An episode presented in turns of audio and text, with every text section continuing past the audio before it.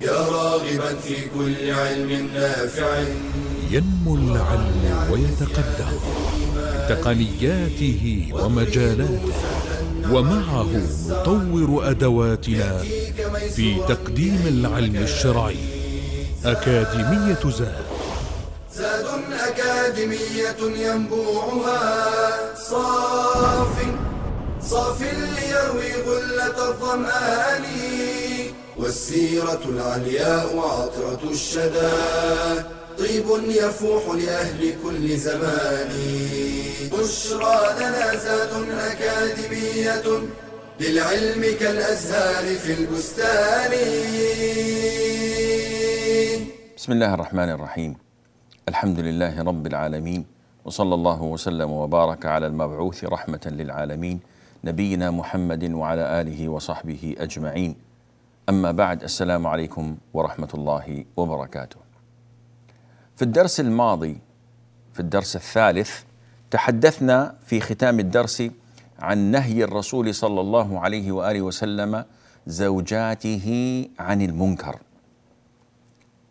هنالك خطوط حمراء يجب على كل مسلم أن لا يرضى بالتنازل عنها ابدا.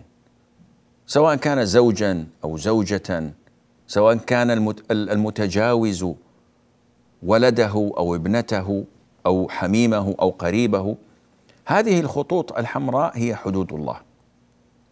فلا يجوز مطلقا أن تسكت عن المنكر وأن تتهاون فيه وإلا طبع على قلب العبد حتى يصير قاسيا كالحجارة أو أشد قسوة. أمنا عائشة كانت حب حب النبي عليه الصلاة والسلام وهي أحب الناس إلى قلبه من النساء. ومع ذلك إن حصل منها تجاوز كان عليه الصلاة والسلام لا يقرها عليه بل ينكره. ذكرت ذات يوم في مجلس النبي عليه الصلاة والسلام أم المؤمنين صفية وكانت امرأة جميلة. فكأنها غارت شيئا ما. فقالت للرسول عليه الصلاة والسلام حسبك من صفية أنها كذا وكذا. تعني أنها قصيرة. يعني يكفيك عيب فيها أنها قصيرة. فقال عليه الصلاة والسلام لقد قلت كلمة لو مزجت بماء البحر لمزجته. يعني هذا الكلام الذي أنت قلتيه هذا أمر محرم وعظيم عند الله عز وجل. من خطورته أنه لو مزج بماء البحر لامتزج به ولا أفسده. تقول أمنا عائشة وحكي وحكيت له إنسانا. يعني قلدت له إنسانا. فقال ما أحب أني حكيت إنسانا وأن لي كذا وكذا. حقيقة نحن للأسف الشديد ابتعدنا عن سنة الرسول عليه الصلاة والسلام حتى وقعنا في الحرام فما منا من أحد إلا من رحم الله إلا وهو يقلد فلانا أو فلانا ليضحك الناس. وهذا الذي يكثر من تقليد الناس يشار إليه بالبنان. قال عليه الصلاة والسلام ويل للذي يحدث الناس فيكذب ليضحكهم ويل له ثم ويل له. وهذا الأمر عجيب لأنه يقتضي الغيبة فأنت تغتاب هذا الذي تقلده وتحاكيه. وربما اشتمل على شيء من البهتان فالغيبة ذكرك أخاك بما يكره قصير سمين نحيف كذا. حقيقة هو فيه هذه غيبة. لكن أن تفتري عليه ما ليس فيه هذا بهتان. هو بخيل لكنه حقيقة كريم. أن تقول عنه بخيل هذا بهتان. المسلمون اليوم عندهم خلل. يكفيك حديث الرسول عليه الصلاة والسلام لتتبعن سنن الذين من قبلكم شبرا بشبر وذراعا بذراع حتى لو دخلوا جحر ضب لدخلتموه. اليهود والنصارى. الآن المسلمون يفعلون هذا تماما. يعني هل يعقل أنه من باب الترفيه كما يزعمون أن ترفه على نفسك بحرام؟ هل يفعل ذلك مسلم أن يرفه عن الآخرين بحرام؟ الآن يدفعون مئات الريالات ليحضروا ساعة لما يسمونه باسم ال stand-up comedy رجل مهرج يقف أمامهم ويلقي النكات يتحدث عن نفسه وعن زوجته وعن أمه وأبيه وعن قبيلته يسخر ويستهزئ. كما قال تعالى أتتخذنا هزوا قال أعوذ بالله أن أكون من الجاهلين. القرطبي يقول الذي يستهزئ ويسخر هذا من الجاهلين. والناس يضحكون. ربما سخر منهم. ربما استهزأ بقومية أو بإثنية أو بدولة أو بشعب. يسخر من كلام هذا يسخر من طريقة مشي ذاك أو من تعامل هذا. والناس يضحكون يدفعون المال. مما يدلك على بعد الناس عن هدي النبي صلى الله عليه وآله وسلم. كذلك النبي عليه الصلاة والسلام من تعامله مع زوجاته أنه كان شديد الغيرة لكنه لم يكن يتهم ويسيء الظن وشتان بين أن بين أن يكون الإنسان ذو غيرة وهذا أمر محمود. ان الله يغار كما جاء في الحديث واني لاغار. وجاء في الحديث الآخر إني لأشد غيرة من سعد. سعد بن عبادة رضي الله عنه وأرضاه عندما استنكر أن يأتي بأربعة شهود وهو يرى زوجته تفعل الفاحشة. وقال والله يا رسول الله لا ننتظر سوف أضرب عنقه وعنقها. وتعجب الصحابة من جرأته. ومن غيرته. الشاهد النبي عليه الصلاة والسلام كان شديد الغيرة لكن في الحق. ولم يكن يسيء الظن لم يكن يتجسس أو يتحسس كما جاء في الحديث أنه صلى الله عليه وسلم نهى أن يطرق الرجل أهله ليلا يتخونهم أو يلتمس عثراتهم. أنت جاي من سفر بعيد غبت أسبوعا أو شهرا تأتي مفاجأة. أبدا ما يجوز. ما يجوز إن كنت حسن النية. فكيف لو كنت سيء النية؟ كيف يكون الإنسان حسن النية؟ يأتي يريد أن يفاجئهم أن يدخل عليهم السرور والسعادة. ما يفعل البعض. أنا بعد أسبوع واذ به يأتيهم. هذا ما يجوز. ليش؟ لأن النبي عليه الصلاة والسلام أخبر أن المرأة تريد أن تحسن التبعل لزوجها تستحد المغيبة وتمتشط الشعثة. مرأة شعرها منكوش وغير مرتب. تريد أن تنظف نفسها أن تتهيأ لزوجها. يأتيها فجأة مثل هذا ما يسرها وربما رأى ما يكره. هذا حسن النية. أما سوء النية وف أو, أو, أو فساد الطوية هذه مشكلة. يأتي فجأة يشوف ربما عندهم أحد ربما تخونه ربما تفعل شيء كذا وكذا. هذه ليست من أحوال المؤمنين ابدا. ولا يجوز أن يفعل ذلك. والرسول نهى عن هذا صلى الله عليه وآله وسلم يتخونهم أو يلتمس عثراتهم. أين المسلمون اليوم من مثل ذلك؟ تجد المرأة تتصل. يا شيخ وجدت في جوال زوجي رسائل. فتحت كمبيوتره بدون ما يدري ووجدته ينظر إلى يعني آه، مواقع إباحية. الزوج يتصل. استمعت إلى رسائل زوجتي ووجدتها تتكلم عن كذا وكذا. وجدت رسالة من امرأة تدعوها إلى حفلة كذا وكذا ويا شيخ أنا أشك وأنا أفعل. كل ذلك من التجسس المحرم. المبني على سوء الظن والتخوين وتلمس العثرات.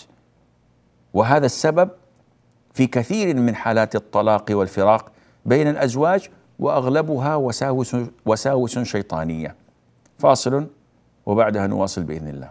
بشرى أكاديمية للعلم كالأزهار في البستان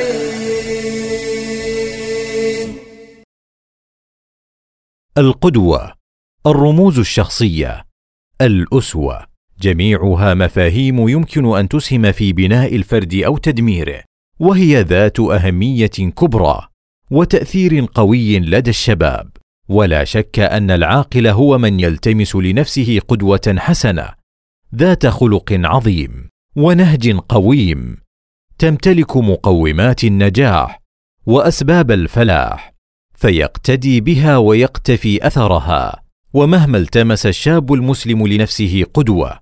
فلن يجد خيرا من النبي صلى الله عليه وسلم ثم أصحابه الكرام رضي الله عنهم ومنهم زيد بن ثابت رضي الله عنه كلفه النبي صلى الله عليه وسلم بتعلم لغة اليهود فتعلمها وأصبح ماهرا بها في خمس عشرة ليلة. عبد الله بن عباس رضي الله عنهما اجتهد حتى جمع علما غزيرا. تناقله كل من جاء بعده. مصعب بن عمير رضي الله عنه. أرسله النبي صلى الله عليه وسلم سفيرا إلى المدينة ففتحها بالقرآن. معاذ بن جبل رضي الله عنه. بعثه النبي صلى الله عليه وسلم داعيا إلى اليمن. أسامة بن زيد رضي الله عنهما. ولاه النبي صلى الله عليه وسلم قيادة جيش المسلمين لغزو الروم ولم يبلغ العشرين من عمره. وهكذا كانوا على صغر سنهم يتحملون الأخطار ويحفظون الأسرار ويعبدون الله بالليل والنهار. فكانوا خير قدوة وأروع مثال. قال تعالى والسابقون الأولون من المهاجرين والأنصار والذين اتبعوهم بإحسان رضي الله عنهم رضي الله عنهم ورضوا عنه وأعد لهم جنات تجري تحتها الأنهار خالدين فيها أبدا. ذلك الفوز العظيم. بشرى لنا زاد أكاديمية للعلم كالأزهار في البستان. السلام عليكم ورحمة الله وبركاته. التعامل بين الزوجات يحتاج إلى الكثير من اللباقة وإلى الحلم وإلى الصبر وإلى الكياسة. النبي صلى الله عليه وآله وسلم كان تحته تسع من النساء ويحصل ولا شك بين النساء بين أمهات المؤمنين ما يحصل بين النساء من غيره من رغبة في الاستحواذ على الزوج. التملك هذا موجود عند النساء أمر فطري. لكن كيف كان تعامل النبي عليه الصلاة والسلام؟ هل كان شرطي الأمان والسلام بمعنى إذا حصلت مشاجرة يقف عليه الصلاة والسلام ويتخذ وضعية القاضي يحكم لهذا ويمنع هذا لا هذا عذاب. وهذا ليس بالعقل لأنه الإنسان يفقد أعصابه وربما أدى إلى مشاكل أكبر وأعظم. كان عليه الصلاة والسلام لا يتدخل فيما يجري بين نسائهم. إلا أن يكون هنالك ظلم وتعد وبغي نعم يوقفه عند حده.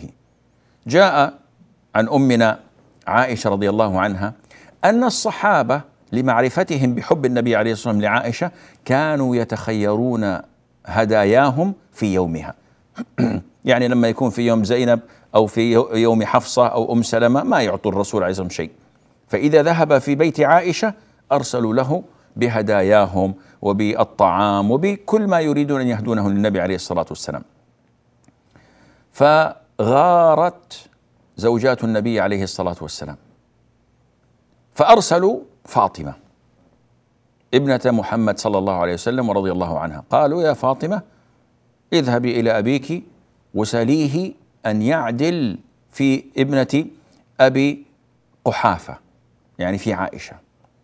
فجاءت فاطمة واستأذنت وكان الرسول عليه الصلاة والسلام مع عائشة في اللحاف ملتحفان سويا. فقالت يا رسول الله إن أزواجك أرسلنني يسألنك العدل في ابنة أبي قحافة. عائشة موجودة تسمع وهي ساكتة. شوف الأدب. أي نعم هي التي تتضرر. مفروض أنها تصرخ وتقول لا هذا ما يصير وهذا ما, ما يجوز وهذا كذا وكذا. أبدا. الأدب أن تحترم النبي عليه الصلاة والسلام هو صاحب القرار. فقال لها يا بنية ألست تحبين ما أحب؟ فقالت بلى. قال فأحبي هذه. لا تكثري كلام. تحبي اللي يحبه حبي أو أحببي زوجتي هذه. فرجعت إليهن وأخبرتهم. قالوا قالت لهم والله الشغلة يعني واضحة. قالوا ما سويت شيء ارجعي. فأصري عليه وأعيد الكلام. قالت لا والله لا أعود إليه أبدا. إيش الكلام؟ فأرسلنا ابنة عمته زينب بن جحش. وزينب هذه أم عائشة تقول هي التي كانت تساميني منهن في المنزلة عند رسول الله عليه الصلاة والسلام. يعني ما كانت في وحدة منزلتها عالية عند الرسول مثل زينب. تقول ولم أرى شوف العدل لا إله إلا الله.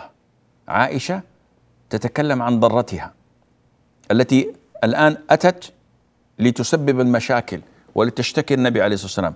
قالت ولم أرى امرأة قط خيرا في الدين من زينب وأتقى لله وأصدق حديثا وأوصل للرحم وأعظم صدقة وأشد ابتذالا لنفسها في العمل الذي تصدق به وتقرب به إلى الله ما عدا يعني كل هذا فيها من الصفات اللي ما لم أره في أحد ابدا تقول ما عدا سوره من حدة كانت فيها.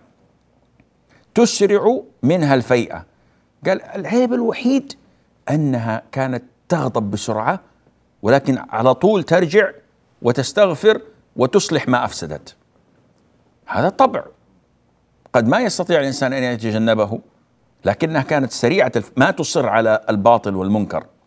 فاستأذنت على رسول الله عليه الصلاة والسلام فدخل وعائشة ما زالت مع النبي عليه الصلاة والسلام في نفس الحالة والوضعية التي دخلت عليهم فيها فاطمة. فقالت يا رسول الله زوجاتك يسألنك العدل. في ابنة أبي قحافة. يعني هذا اللي بتسويه يا رسول الله ما هو صحيح. إحنا زوجاتك وإحنا كذا وكذا وكذا ثم أخذت تقع في عائشة.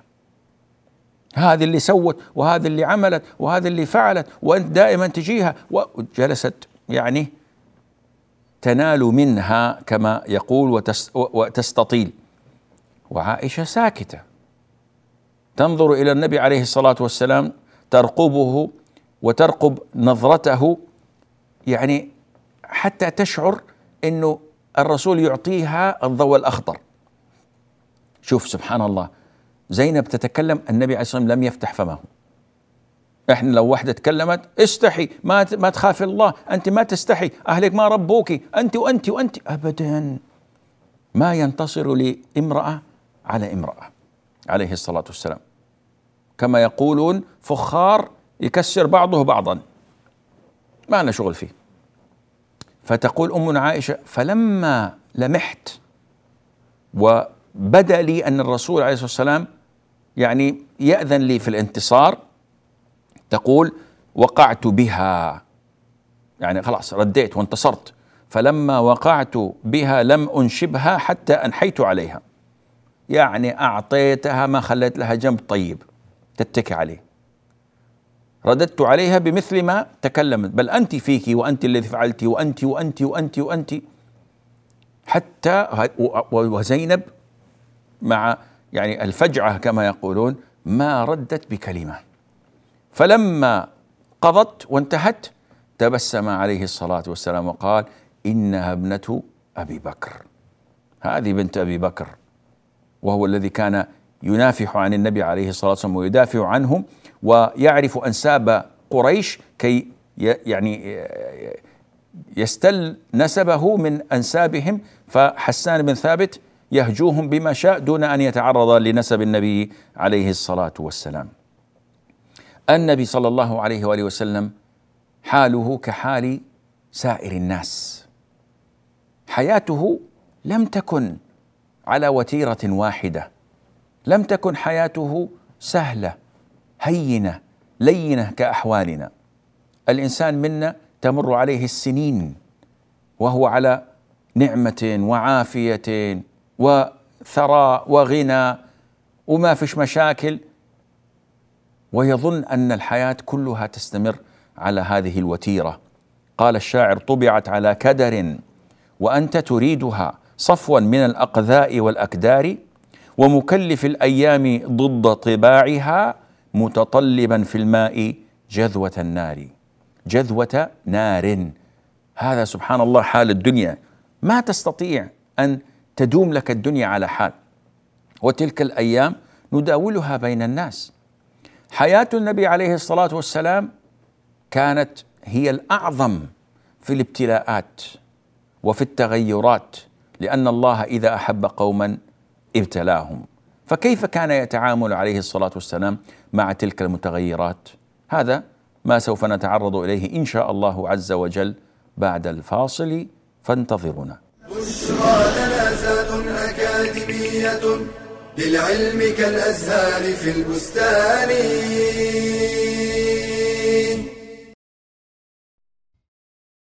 الزينة في حياة المرأة حاجة فطرية جبلت عليها. وقد تكون مولعة بها. والإسلام لا يقاوم هذه الرغبة الفطرية ولكنه ينظمها ويضبطها. ومن ذلك نهيه المرأة عن التزين بالوشم أو الوصل أو النمص أو فلج الأسنان. فعن ابن عباس رضي الله عنهما قال لعنت الواصلة والمستوصلة والنامصة والمتنمصة والواشمة والمستوشمة من غير داء. وفي حديث ابن مسعود رضي الله عنه والمتفلجات للحسن والوصل أن يوصل شعر المرأة بشعر آخر ويدخل في ذلك الباروكة والرموش والأظافر الصناعية لأنها في معنى الوصل.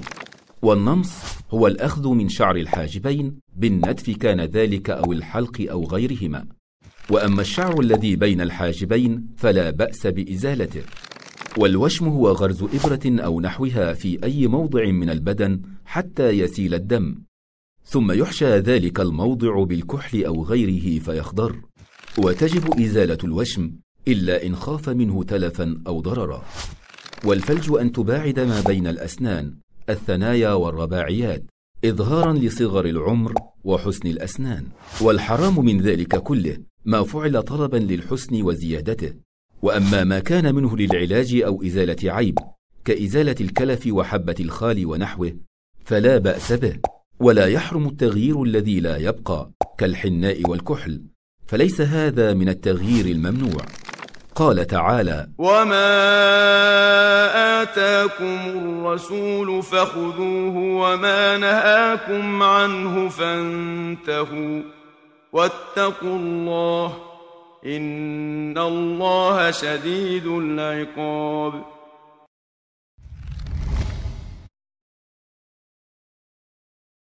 بشرى لنا زاد أكاديمية للعلم كالأزهار في البستان السلام عليكم ورحمة الله وبركاته.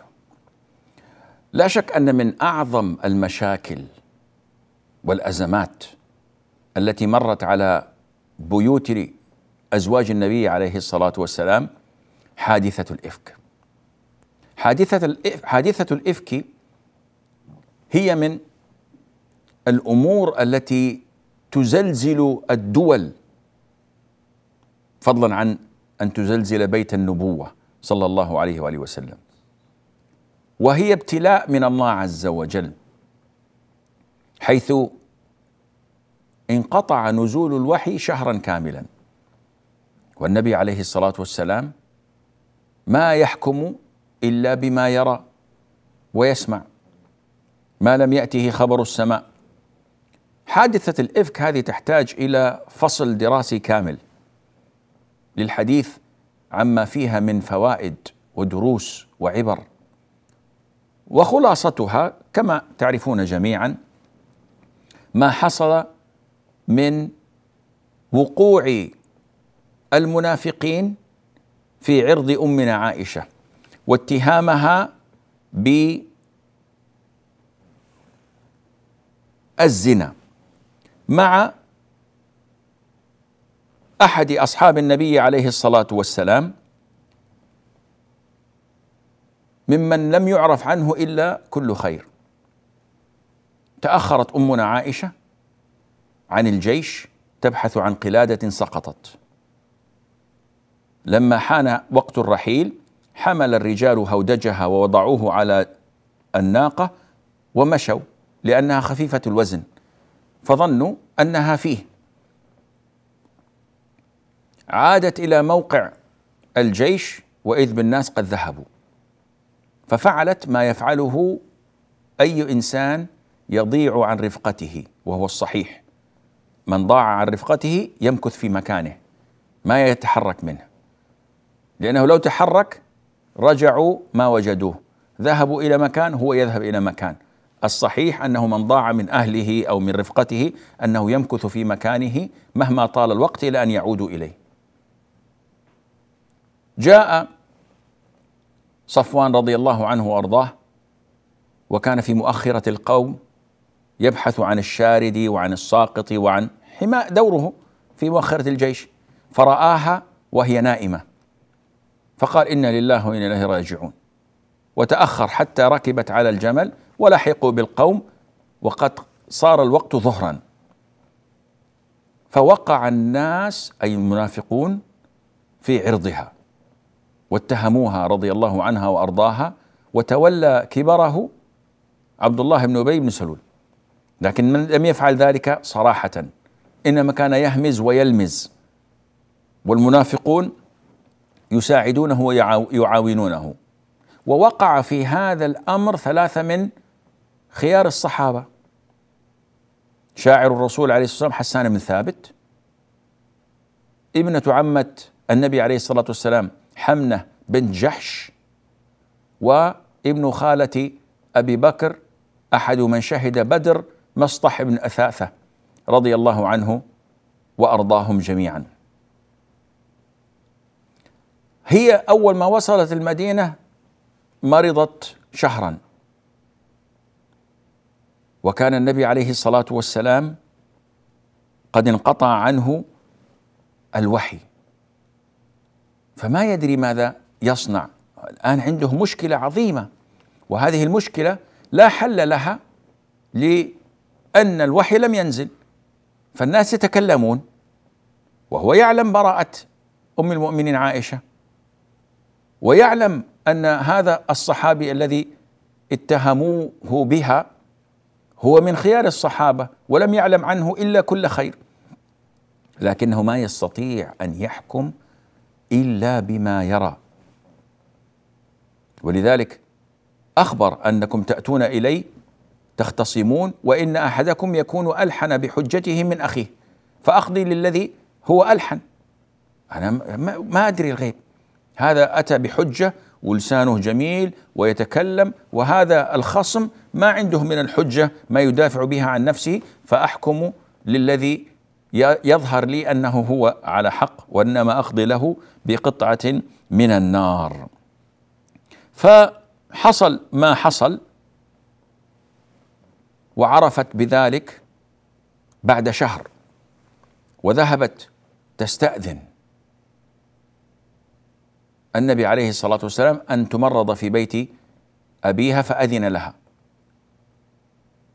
ثم نزلت براءتها من السماء.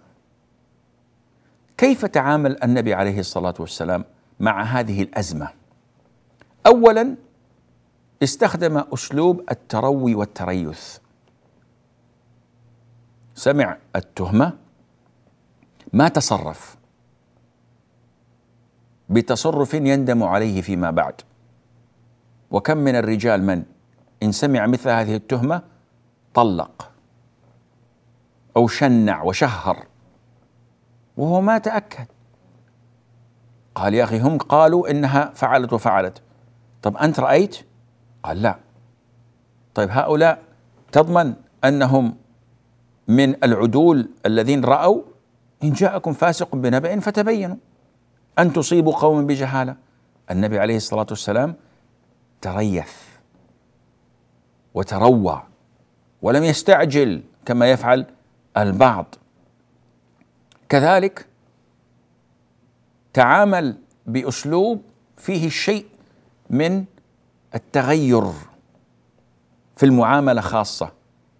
امنا عائشة تقول في الحديث الطويل حديث الإفك حادث حديث قصة الإفك أن النبي عليه الصلاة والسلام تغير في معاملتها شيئا قليلا يعني ما درت ما هو السبب فكان صلى الله عليه وآله وسلم يأتي ويسأل كيف تيكم؟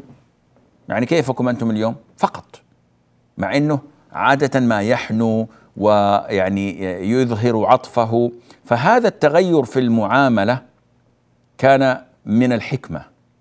لأن الرسول عليه الصلاة والسلام على الرغم من الإشاعات لم يهجر عائشة ولم يتهمها. إنما تغير قليلا في إظهار مشاعره وعواطفه وحنانه كالعادة لأنها لو كانت على خطأ شعرت بذلك وربما يعني آه، تأتي فتسأل. الرسول عليه الصلاة والسلام ما عنده أي دليل فهو لم يظلمها.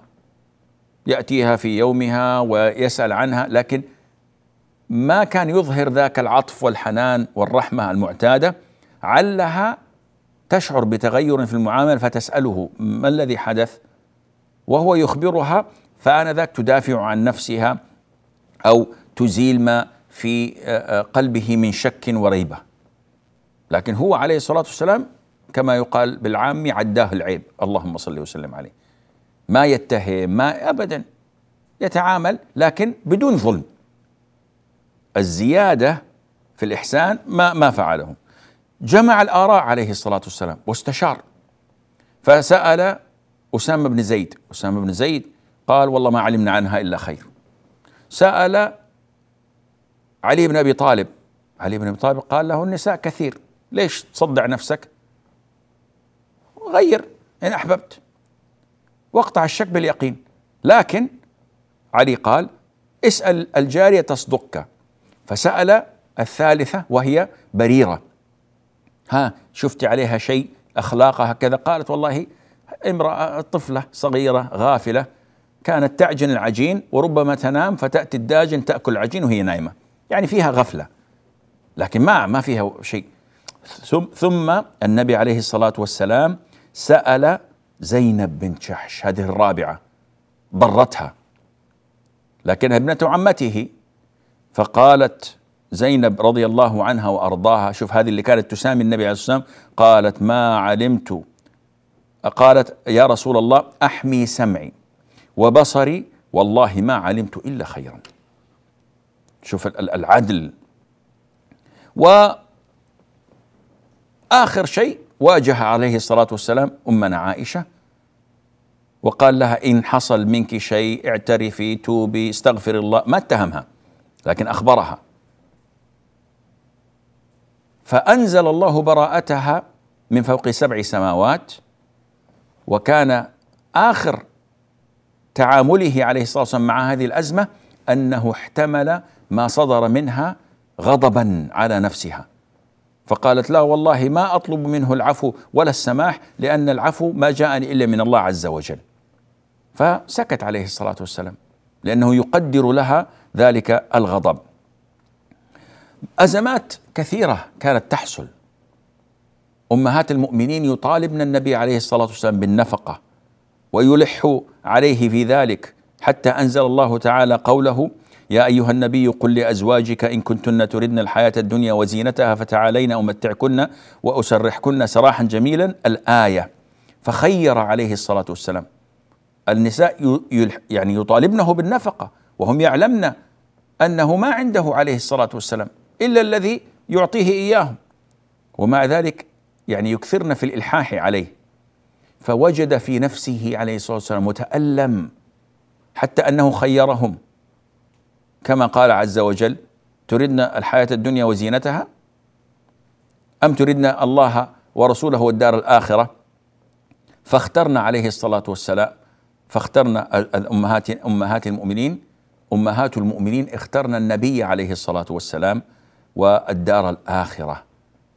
ومن وجده ومن يعني غضبه ومن تأثره بكثرة إلحاحهن هاجر هجرهن شهرا وآل أي حلف. كما قال تعالى الذين يؤلون من نسائهم يحلفون.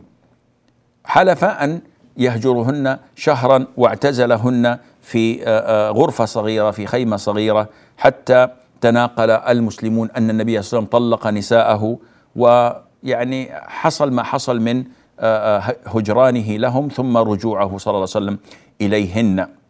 وهذا يدلك على أن الرجل الحصيف لا بد له من أن يحسن التعامل مع زوجته. فإن كانت من عائلة غنية لابد أن يقدر لها ترفها ودلالها وأن يعطيها ما استطاع. وهي لابد أن تقدر حالة زوجها. فإن كانت من عائلة غنية وهو دونها في المرتبة المادية لابد أن تصبر وأن لا تثقل كاهله بالطلبات. هذا والله أعلم. ونسبة العلم إليه أسلم وصلى الله وسلم وبارك على نبينا محمد. يا راغبا في كل علم نافع متطلعا لزيادة الإيمان وتريد سهلا النوال ميسرا يأتيك ميسورا بأي مكان زاد زاد أكاديمية ينبوعها صاف صاف ليروي غلة الظمآن والسيرة العلياء عطرة الشدى. طيب يفوح لأهل كل زمان. بشرى لنا زاد أكاديمية للعلم كالأزهار في البستان.